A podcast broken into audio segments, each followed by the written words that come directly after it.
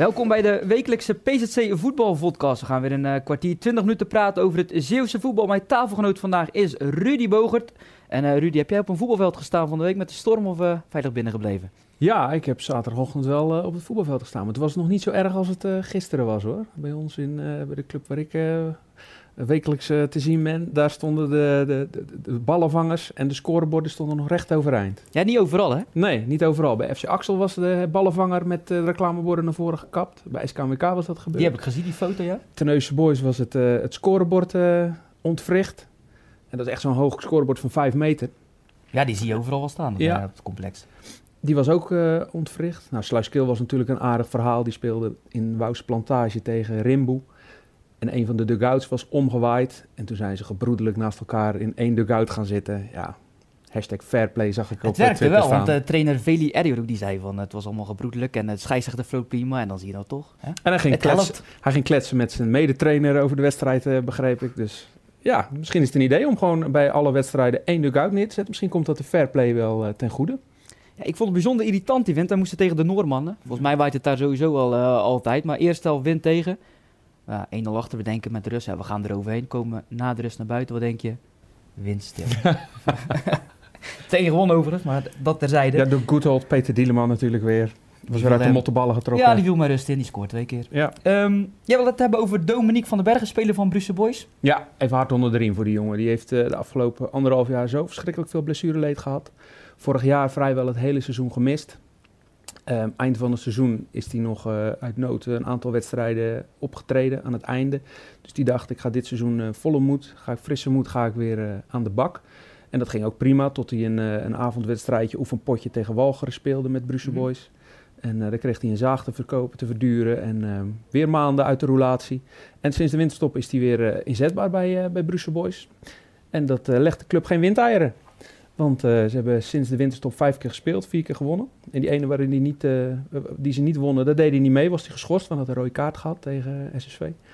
Ehm, maar ik vind het mooi, zo'n jongen die, die, die hard gewerkt heeft om terug te komen. Afgelopen zaterdag tegen Arnhemuiden uh, twee keer trefzeker. Eerst de 1-1 en vervolgens in de blessuretijd de winnende 2-1 gemaakt kan het wel waarderen. En uh, hij heeft er hard voor gewerkt, dus dan uh, vind ik dat Speelt wel... hij al jarenlang ook bij Bruce speelt natuurlijk. Exact, exact. We hadden hem laatst benaderd om, om zijn verhalen te vertellen over die, ja, die vervelende periode die hij achter de rug had.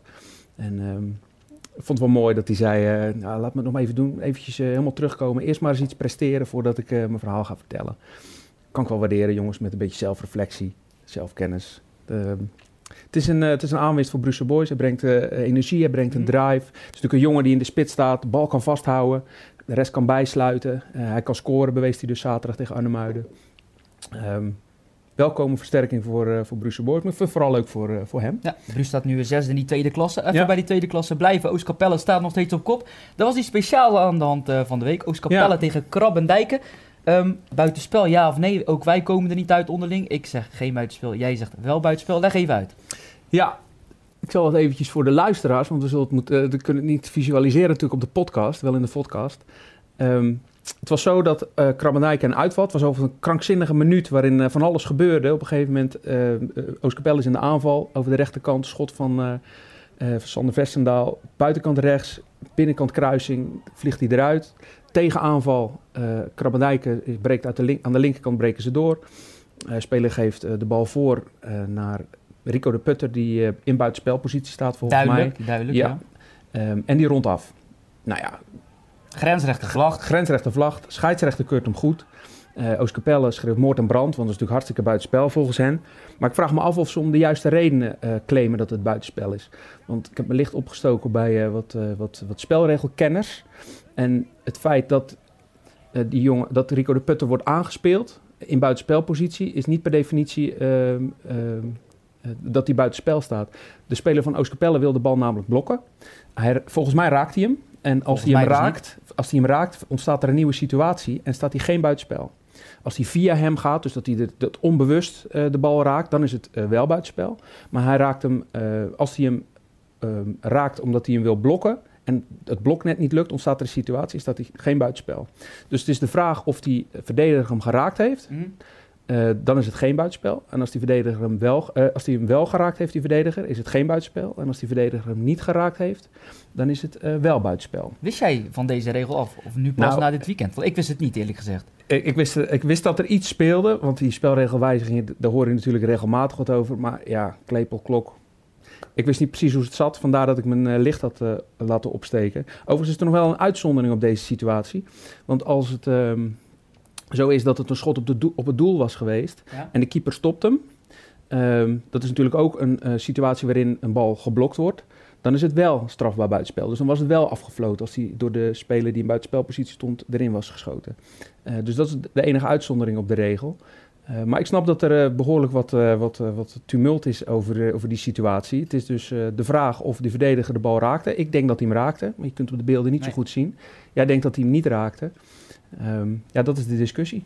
Ja, ja, overigens een pluim voor de scheidsrechter die dat dan Ja. goed zou hebben gezien. Volgens mij zat hij in de, liep, hij, liep hij achter de situatie, dus kon hij het wel beoordelen of die bal geraakt werd. Ehm, maar ja, we hebben zijn, eh, geen cameraatje op zijn oog staan. Maar natuurlijk heel belangrijk, hè? Oostkapelle verliest Ja. dus, Terneuzen Boys wint. Twee wedstrijden minder. Ten- Ja, wint van de nummer 3 Terneuzen Boys. Dus die Ja. hebben nog twee wedstrijden minder dan Oostkapelle, maar wat eh, punt achterstand, waardoor ze er overheen kunnen gaan. Dus Ja. wat dat betreft was het een hele gevoelige situatie. Enige goal van de wedstrijd, dus Enige dat goal maakt het helemaal eh, precair. Overigens, ik weet niet of je de beelden gezien hebt, maar bij het vieren van die goal zie je vervolgens nog dat op de achtergrond, aan de rechterkant, de camera schuift er net, eh, schuift er net naast, dat er nog een speler van Oostkapelle eh onderuit wordt gehaald door twee spelers Niet van eh Krabbendijken.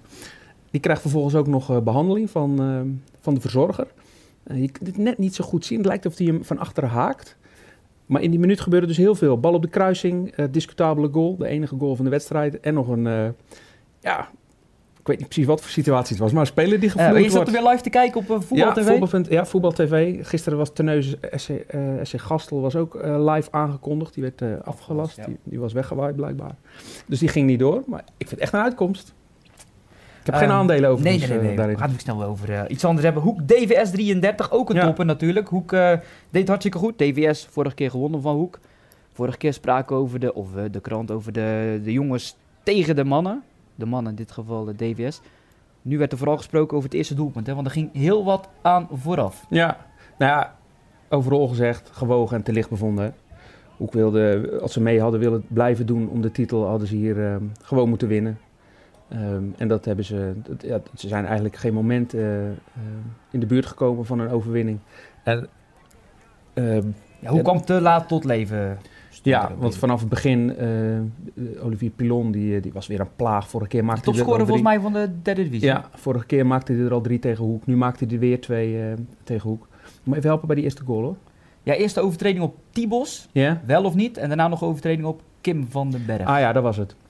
Ehm, ja, kijk, dat zijn beslissingen. De- de- de- ter interpretatie van, eh, van de scheidsrechter, hè, daar kunnen wij van alles over roepen. Verandert niks aan de situatie. Hè. Er zijn zoveel situaties in zo'n wedstrijd die, die, die, die twee kanten op kunnen vallen.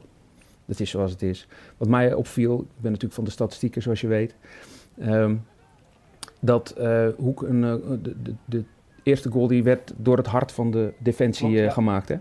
Sinds de winststop was pas de tweede keer dat ze een doelpunt tegenkregen door een aanval door het hart van de defensie. Dat hou je ook allemaal bij? Welke kant natuurlijk. en zo? Ja? Dat Zeker. ik helemaal niet. Zullen we zo bij Goes ook nog wel over hebben dan. Ehm, maar voor de winststop hebben ze tien van zulke goals door het hart van de verdediging tegengekregen. Ik wil verder niemand eh, te kakken zetten, helemaal niet. Maar eh, in de winterstop heeft eh, de, de, de trainerswissel geresulteerd in een verandering in het cent- centrum Ja. van de verdediging. Kim van den Berg is er gekomen in plaats van Lionel Fitch. Ehm, of het een kausaal verband is, dat durf ik niet te zeggen, want er is natuurlijk heel veel veranderd. Ehm, maar het is wel opvallend dat ze voor de winterstop tien keer een goal tegenkregen door een aanval door het Mhm. centrum van, van de verdediging. En nu dit is pas, pas de tweede, terwijl ze niet significant meer doelpunten tegen krijgen. Ehm, of minder tegen krijgen. Dus ik vond wel opvallend dat die goal ehm, door het hart van de defensie Gaat gemaakt de werd. komende week eens in de gaten houden. Ah, je belt maar als één je- Maar hoe zat het dan bij Goed? Want jij zegt, daar wil ik het dan ook eh, even Ja. over hebben. Ja, Goes, dat was ook wel mooi. Die ehm, maakte 1-1, doelpunt Steve Schalkwijk. En die werd voorbereid aan de linkerkant door Ray Kroon. En in oktober van vorig jaar, dat is eh 20 doelpunten geleden, maakte ze voor het laatst een goal die aan de linkerkant voorbereid was. Dus alle andere doelpunten werden gemaakt door het, door het centrum, over de rechterkant. Erwin Fransen natuurlijk, De- belangrijk. precies, Erwin Frans heeft een onzinnige inbrengen over die rechterkant. Maar ook de vrije trappen en corners, die hun Achilleshiel was direct na de winterstop. eh, verdedigend opzicht. Maar aanvallend is dat natuurlijk een wapen van je welste. Waar Sheriff Tofik eh, eh, heel goed, eh, die heeft zes keer gescoord, zes keer uit een, uit de voorzet, corner vrije trap met de kop. Ruben Hollemans uit de corner ook verschillende keren Ze hebben nog gescoord. een variant met de, overstap. Ja. Die is voor Ruben Hollemans vaak. Ehm, maar de aanvallen over de linkerkant. eh, in oktober was het voor het laatst dat ze scoorden ehm, vanaf die, met een aanval vanaf die kant. Dat is op zich ook niet zo heel vreemd volgens mij. Want eh, in die periode raakte Daniel Wissel geblesseerd. En tot dat moment speelde Steve Schalkwijk daar. En die periode daarvoor hadden ze al negen of tien aanvallen over de linkerkant die doeltreffend waren. Eh, dus du moment dat Daniel Wissel geblesseerd raakte, moest Steve Schalkwijk een plekje opschuiven en raakte ze eigenlijk het gevaar aan de linkerkant kwijt.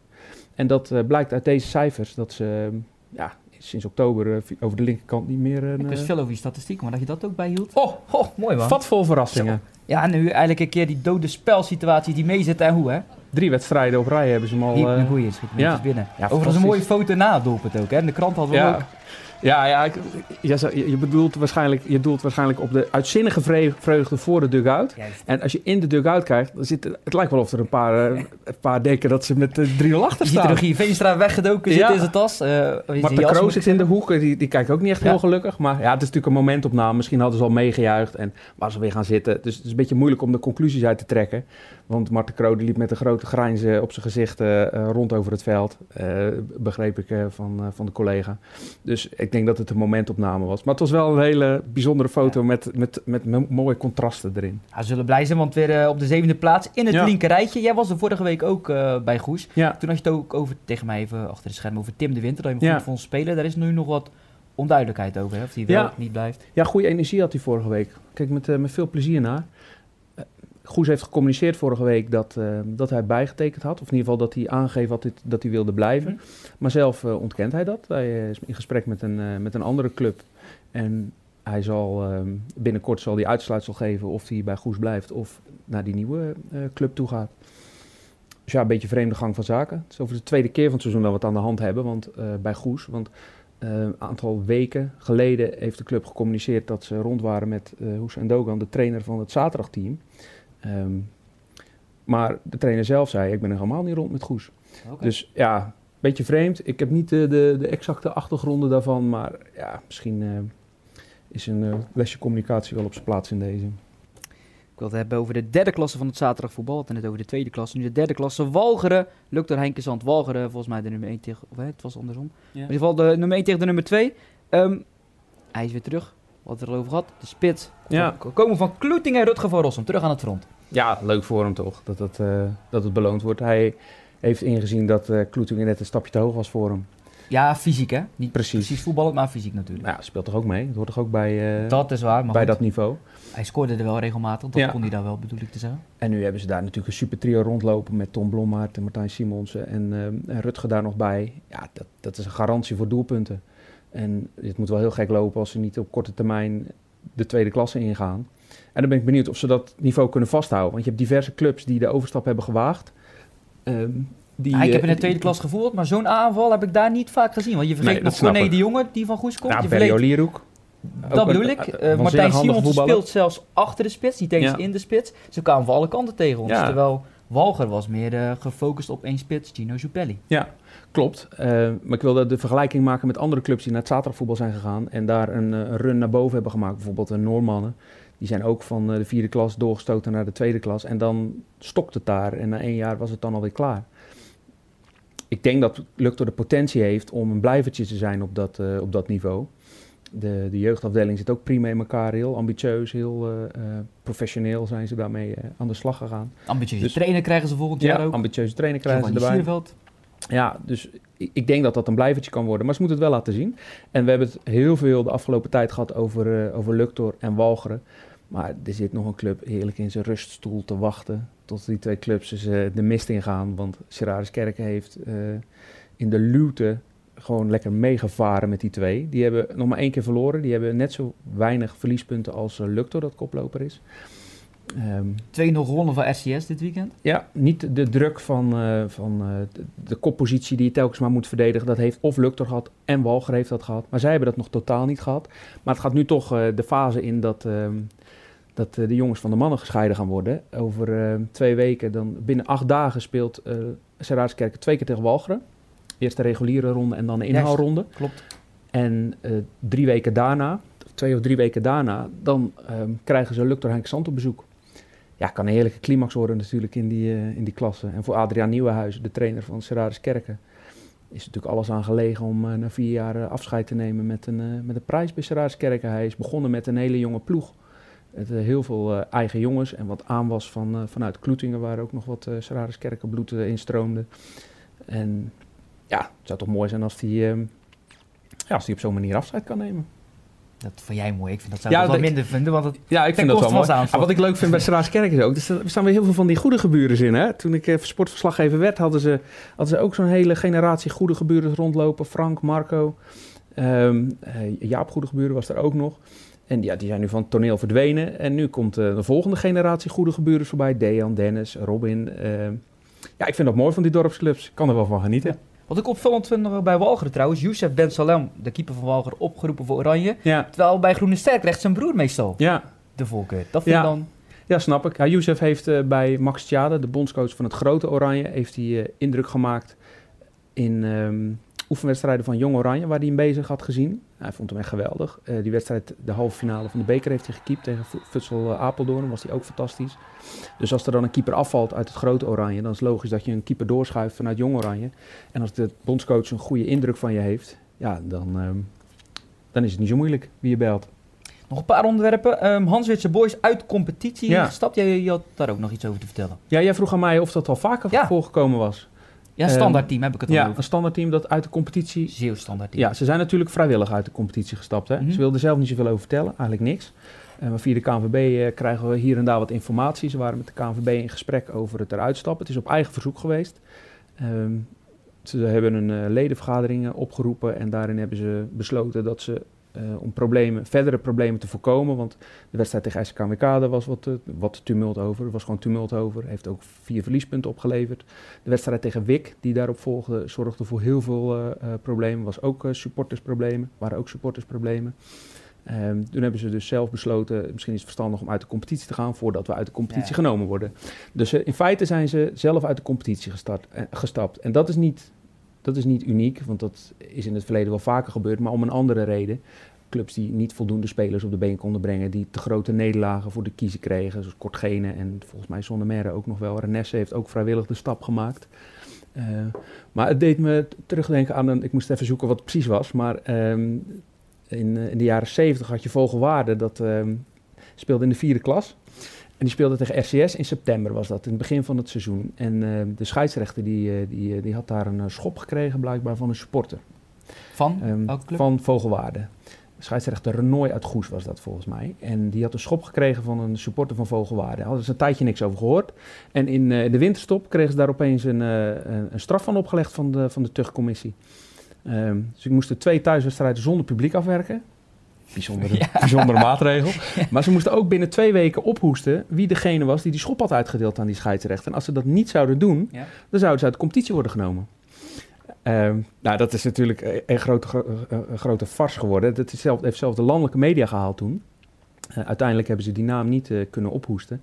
En volgens ze, eh, die vonden het zo onrechtvaardig dat ze eh, in beroep zijn gegaan. En in maart pas, eind maart volgens mij, eh, hebben, ze, eh, hebben ze ook gelijk gekregen van de, van de tuchtcommissie. Dat, het een, eh, een, dat de straf niet eh, rechtmatig was. Dus die straf is teruggedraaid. Maar toen hadden ze al twee wedstrijden gespeeld zonder thuispubliek.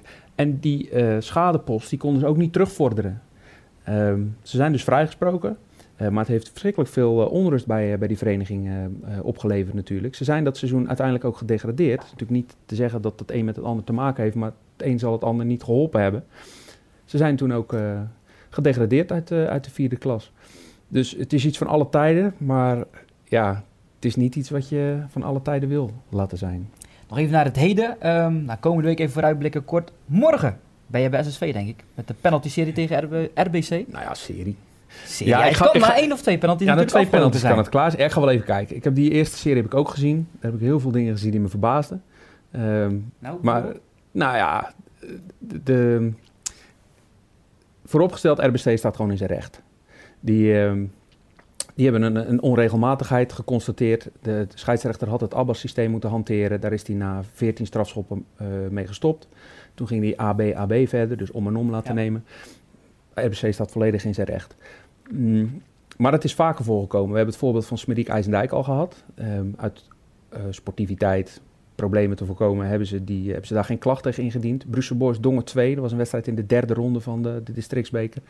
Um, zijn de laatste twee strafschoppen ook onjuist genomen, was Abba Abba. En op het einde, uh, de, de, de, negen en de tiende, negende en de tiende werden ook omgedraaid. Klopte ook niet. Had Brussel Boys ook een, uh, een, protest tegen kunnen indienen. Was ongetwijfeld gehonoreerd, maar ze hebben het gewoon niet gedaan om alle rompslomp uh, te voorkomen. Jij zei Smerdijk tegen IJsendijk, wat was Sparta JVZ? Sparta JVZ, ja, je hebt gelijk. Um, dat zijn clubs die hebben ervoor gekozen om het niet uh, op de spits te drijven. RBC heeft dat wel gedaan, het is een goed recht. En ze hebben gelijk gekregen. Um, maar ja... Ja, wat verwacht je ervan morgen? Ja, niet zoveel eigenlijk. Bij SSV, uh, ik heb een beetje navraag Komt gedaan. publiek op af, denk bij, je? bij SSV hebben ze er helemaal geen zin in. De, de, is, ze hebben het hartstikke leuk gehad uh, met die bekerwedstrijd tegen RBC. Met die, die immense penalty-serie. En waar ik... ja, het, het, hoeft nu niet zo meer voor hen. Het is... ehm, ja, twee slachtige gevoelens. Ik denk maar één gevoel is. Ze vinden het gewoon heel vervelend. En ze willen gewoon dat die, die serie, serie van twee strafschoppen eventueel uh, achter de rug is en dan weer verder. Mm. Wat ik nog wel op, opvallend vond, dat begreep ik later, Kloeting-Halster was op hetzelfde moment hè? Op die avond, ook bekerwedstrijd. Dat is overigens de tegenstander van... Ja, daar werd hij live gestreamd, die penalty-serie in de afloop bij de spelers. Precies, maar het opvallende bij die wedstrijd was dat er een, een arbitraal trio was dat neutraal was. Dus was een scheidsrechter en twee neutrale grensrechters. Dat was bij SSV niet. Dus die scheidsrechter die stond er helemaal alleen voor. Ja, het is een hele administratie, kan ik je vertellen. Ik denk dat, daar ook wel een, uh, uh, dat het daar ook wel mis is gegaan. Um, maar ik, ja, ik denk dat het een beetje een, een fars wordt morgen. En joh, wie doorgaat maakt eigenlijk geen zak uit. Want een ronde later verliezen ze alle twee met 3-0 van Kloetingen. Ja, waar maak je druk om? Staat genoteerd. Oh, oké. Okay. Rudy, bedankt voor je bijdrage. Ja, nee, graag gedaan. Volgende week zijn we er natuurlijk weer met de PCC Voetbal Podcast. Dan met Barry van de Hoofd. U kunt deze aflevering nog even terugkijken, terugluisteren via Spotify, iTunes of gewoon via pcc.nl slash podcast. Tot volgende week.